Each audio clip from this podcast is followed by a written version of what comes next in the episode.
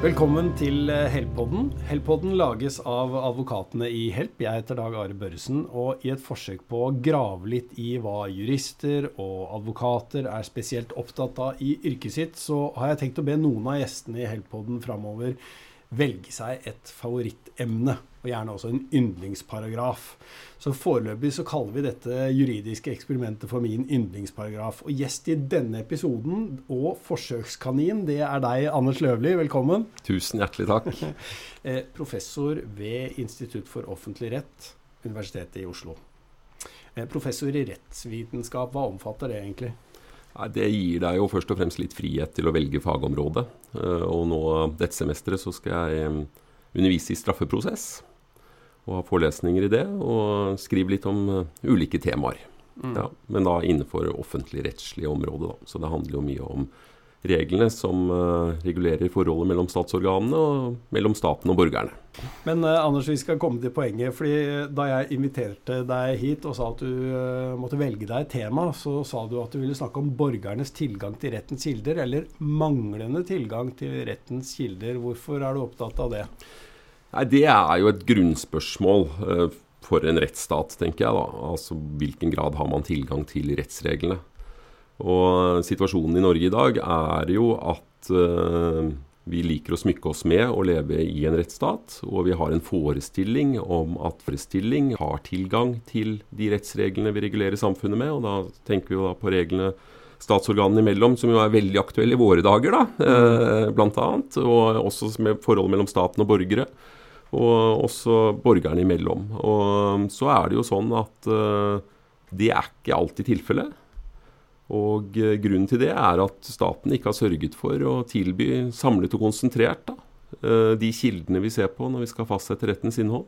Mm -hmm. De fins bak en betalingsmur i samlet form. Du kan få lov til å gå på hjemmesiden til Stortinget og hjemmesiden til regjeringen og hjemmesiden til Høyesterett og finne alt det materialet vi bygger på når vi fastsetter rettens innhold.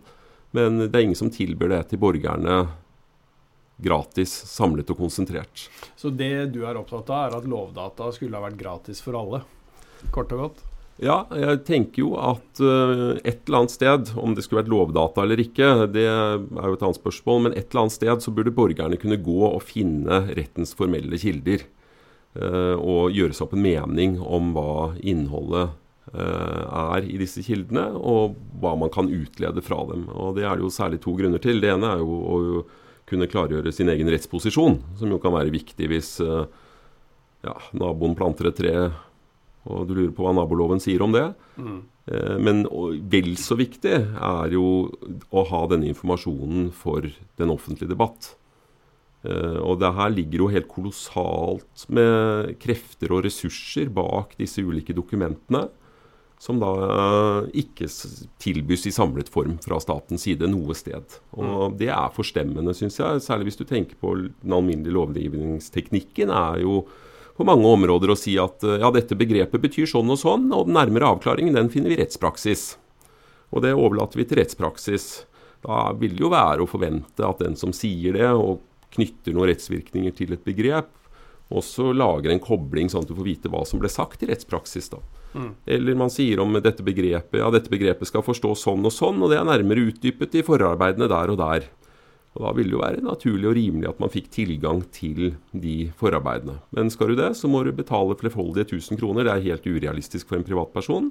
For å komme deg bak en betalingsmur som heter Lovdata Pro eller Gyldendal Rettsdata. Det er mm. situasjonen i Norge i dag. Men hvis man først uh, kommer inn i naboloven, da, Eh, og begynner å forsøke å klargjøre sin rettsposisjon, så er det jo ganske vrient. Eh, veldig mange rettsregler er jo veldig vanskelig å forstå, så du møter jo et problem der også.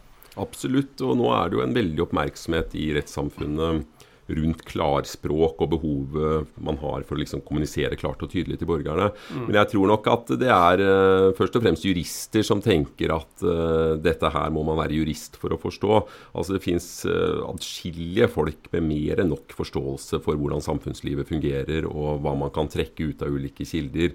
Som, som, kan gjøre seg opp en mening om hva en, innhold i naboloven er, uten å være jurist, tror jeg. Mm. Mm. Og hvis man ikke kan det, så er det et problem man også bør ta tak i. Mm. Uh, og at det vil oppstå grensespørsmål som jurister med god trening vil være bedre egnet til å håndtere enn andre, det kan jo ikke overraske. Men veldig mye av det her er jo nokså clear cut. Mm. Og man trekker en grense et eller annet sted, og man lurer bare på hva den grensen er. Og hvordan den skal uh, hvordan den skal eh, se ut. Da. Eh, det er vel et steg framover, det, da, at vi faktisk har fått klarspråkstudier i akademia? Ja, da, det vil jeg jo si, og det skulle jo på mange måter bare mangle. ikke sant? Det er jo hele grunntanken her. Det er jo rett og slett å kommunisere med folk. Ikke sant? Og så er det jo det at man er så heldig at man drifter en såpass stabil stat at man kan i stor grad lene seg på tradisjon. Mm. Men det burde jo være sånn at du kan gå til disse formelle kildene og forstå hva som er uttrykt. Mm. Og, at, eh, og, jeg tror også at hvis man fikk en større grad av tilgjengelighet det, for disse kildene, så vil man få mer debatt rundt dem, og man vil presse ja, kravene til analytisk fremstilling og, og, og klarspråk. Mm. Men dypest sett handler dette om tillit til rettsstaten? Er det derfor dette er liksom hjertesaken for deg? Ja, tillit er jo absolutt er jo absolutt en side av saken. Og det der om å kunne utøve kontroll med hva som sies. ikke sant? Eh, så du tenker f.eks. på ting som har fått mye offentlig oppmerksomhet. La oss si f.eks. sånn som debatten om hatytringer osv. Så, mm. så er jo vanskelige spørsmål i og for seg. I for seg ikke sant? Skal dette straffesanksjoneres? Bør det ikke straffesanksjoneres? Så velger man å straffesanksjonere det. Så blir spørsmålet hvor grensen skal gå.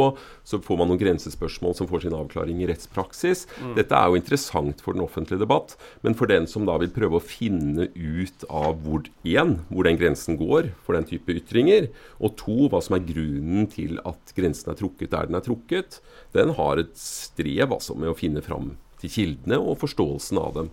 Uh, og så vil jo da det gi en grunnlag for en debatt om potensiell kritikk av hvordan disse er håndtert av jurister. Mm. Vi har på en måte et uh, slags sånn uh, forståelsesfilter til da én ting er at uh, folk skal uh, kunne ha anledning til å sette seg inn i sin egen rettsposisjon og forstå hvilke rettsregler som gjelder for akkurat uh, deg eller meg. Men det er jo ofte journalister da, som formidler hva skal vi si, rettsforståelsen i landet. Hvordan syns du de bidrar? Mitt inntrykk av Presse-Norge er jo at de er veldig veldig flinke jurister. Jeg syns det er et veldig I hvert fall i den tradisjonelle Akersgata, hvis man skulle kunne bruke det begrepet om, om om visse sider ved Presse-Norge, så syns jeg jo imponerende høyt presisjonsnivå.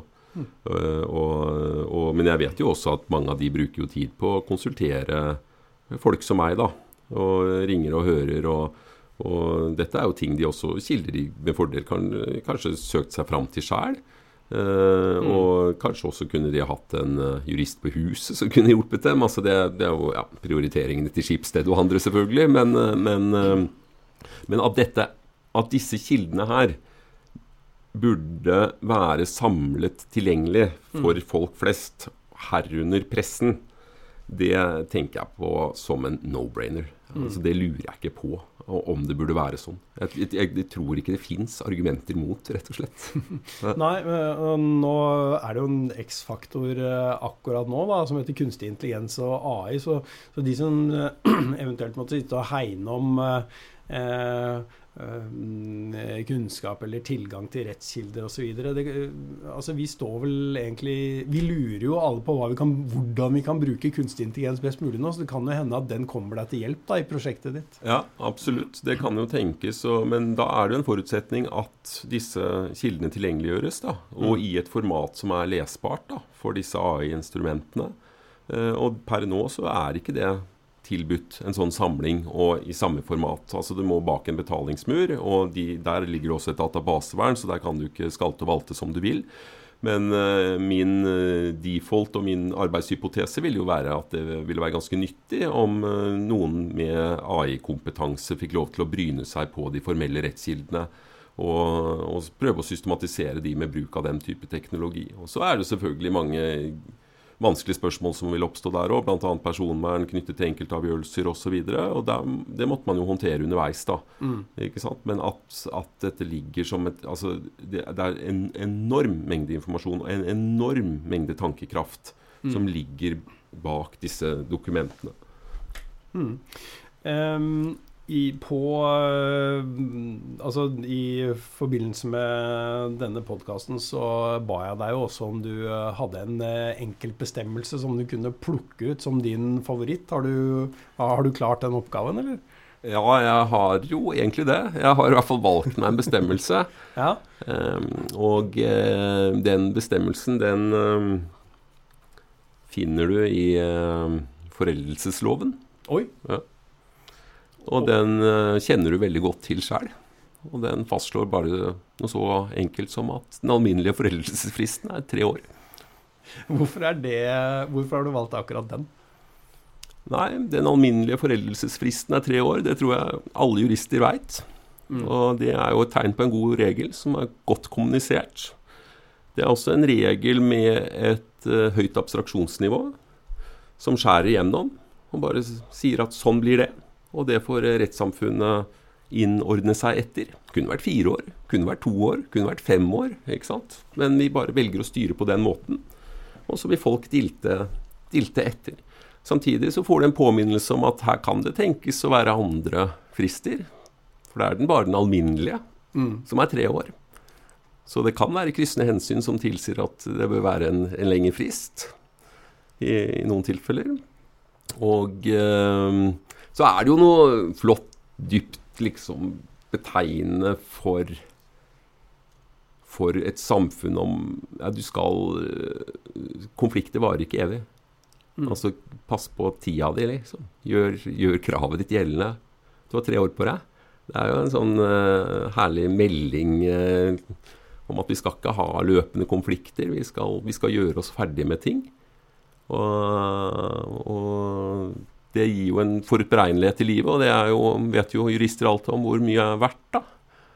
Og så er det jo den liksom helt dype menneskelige meldinga med den bestemmelsen om at ja, husk på livet ditt, liksom. Det er forgjengelig.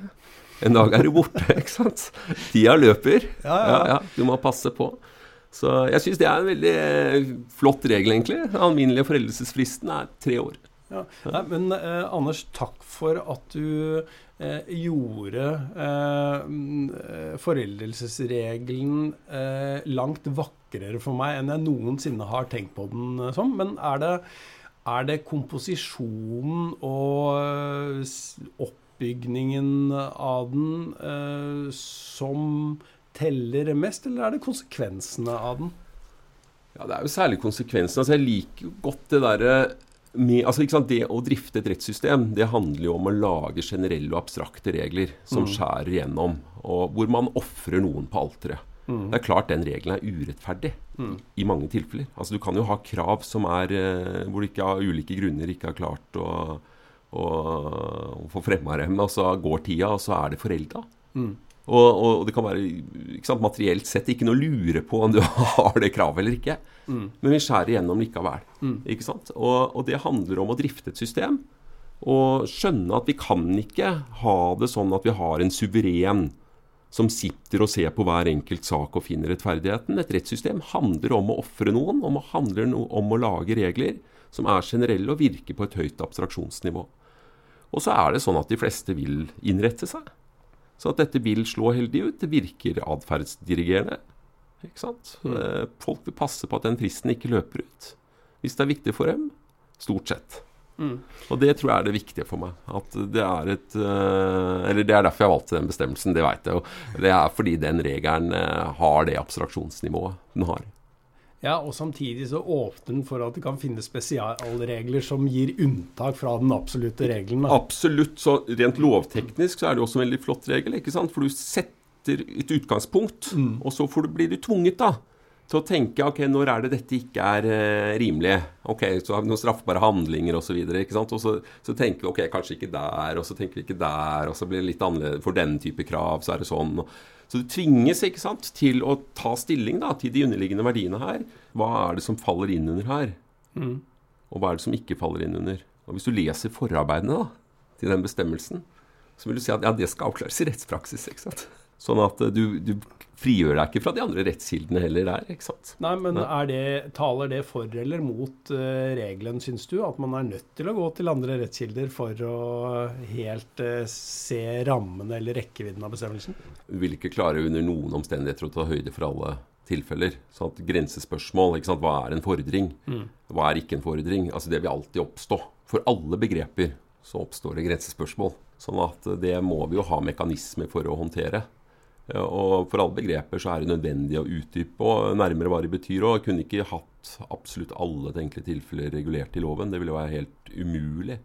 Så du trenger jo å, å fatte deg i korthet, og du trenger å bruke litt tekniske ord og uttrykk. Du kan ikke ha hverdagsspråket er ikke noe, Hverdagsspråket er ikke klarspråk nødvendigvis. Du trenger et teknisk ord som fordring, mm. For, eksempel, for å klargjøre hva som er virkeområdet til ulike regler osv. Ja, og jeg tror heller ikke at hensikten med klarspråkstudiene er å forenkle i hjel språket heller, men å gjøre det forståelig. Ja, ja, nettopp. Men skal vi si at det var det om, eh, om eh, den alminnelige foreldelsesbestemmelsen i denne omgang, eh, Anders? Ja, det kan vi godt si. Det, jeg, er ikke, jeg, er ikke, noen ekspert på foreldelsesrett, men jeg liker den regelen.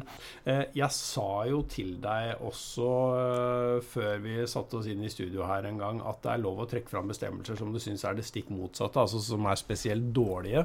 Uh, har du lyst til å avslutte med, en, med et sånt eksempel også, eller? Kunne ta f.eks. den nye strafferettslige utilregnelighetsregelen. Jaha. Mm. Hvorfor er ikke den god? Nei, fordi den er innholdsløs klargjør ikke hva som eh, faller innenfor og utenfor. Eh, og da må man i hvert fall til andre kilder for å finne ut av det. Nå har heldigvis Høyesterett nå nokså nylig i eh, to avgjørelser presisert innholdet, sånn at vi har fått Hvis du har tilgang da, mm. til de kildene og klarer å sette de i sammenheng med paragraf 20, så vil vi i hvert fall vite noe mer. Men ordlyden i paragraf 20 i straffeloven som da har overskriften skyldevne, det er den som på handlingstidspunktet er under 15 år, er ikke strafferettslig ansvarlig. Det er en clear cut-regel. Så langt alt vel. Ja, så langt alt vel. Og så får vi vite, da Det samme gjelder den som på handlingstidspunktet er utilregnelig pga. sterkt avvikende sinnstilstand. Men det jeg lurer på, er jo hvem er det som er utilregnelig? Det er jo det vi skal definere her. Men her er det altså den som er utilregnelig pga. sterkt avvikende sinnstilstand, som omfattes. Og Det er jo ikke noen måte å kommunisere hva som faller inn under regelen på. Du må jo ha et kriterium for utilregnelighet. Mm. Og så skal det jo samt sies da at du i neste ledd får vite hva du skal legge vekt på. Ved utilregnelighetsvurderingen etter annet ledd skal det legges vekt på graden av svikt i virkelighetsforståelse og funksjonsevne. Mm. Så du får vite litt hva du skal se etter for å klargjøre. Men noe kriterium for utilregnelighet, det gjelder loven ikke. Men uh, er det ikke her som i uh, andre regler du har referert til, at det, det vakre er at du kan må søke de andre rettskildene for å finne ut av det? Jo, det kunne du jo si, da, men nå er jo loven da, bør jo være det primære mm. eh, utgangspunktet her. Og det, hvis du liksom skulle bedt meg nevne en favorittparagraf til, så ville det jo kanskje være Grunnlovens paragraf 49, ikke sant, om at uh, folket utøver den lovgivende makt gjennom Stortinget. Og da er det jo først og fremst at vi binder opp makten vår i lov, da, mm. som jeg er uh, ville løftet fram. Og det gjør jo ikke her, da. Ikke sant? Dette er jo et storting som abdiserer og som rett og slett ikke binder opp makten sin i lov, mens uttyl, uttrykker seg vagt og utydelig og delegerer makten sin til andre aktører i rettssystemet, istedenfor å da ha stilling på Stortinget til hvem er det som faller innenfor og utafor her, så settes det ut på anbud.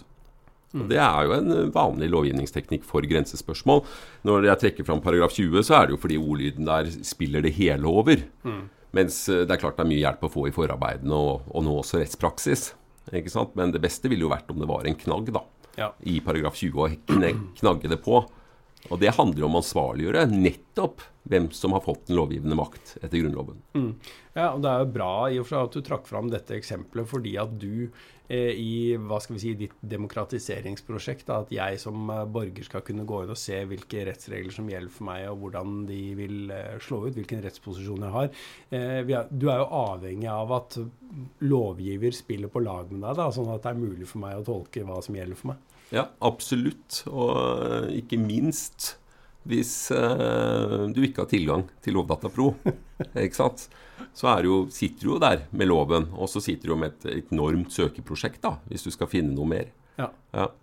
Så det er jo Alt handler jo om kommunikasjon her.